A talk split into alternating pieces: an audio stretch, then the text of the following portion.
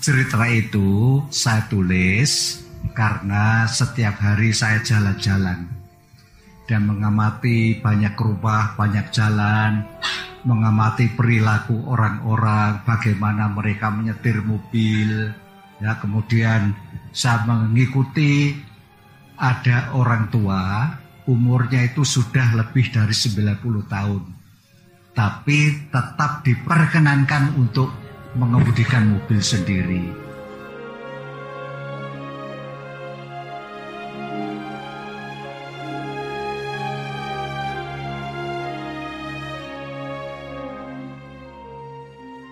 Untuk membunuh waktu, beliau ini pergi ke satu supermarket, membeli satu barang, kemudian pulang, istirahat, pergi ke supermarket lain, membeli satu barang, pulang, untuk membunuh waktu.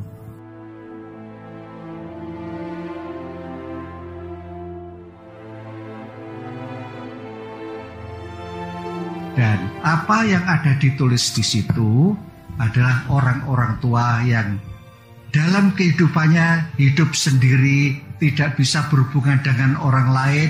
Mengapa?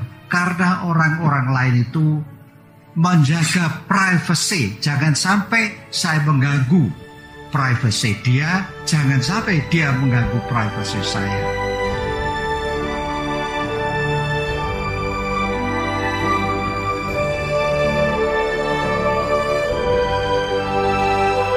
Kemudian bagaimana prosesnya? Proses ini bisa dilakukan oleh siapa pun juga, yaitu kita banyak membaca.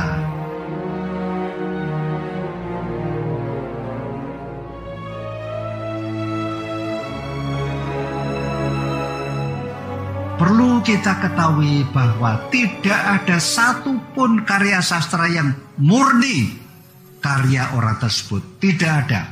Pasti pada waktu menulis terpikir entah dari mana datang masuk ke tulisan kita, entah dari mana datang masuk ke tulisan kita.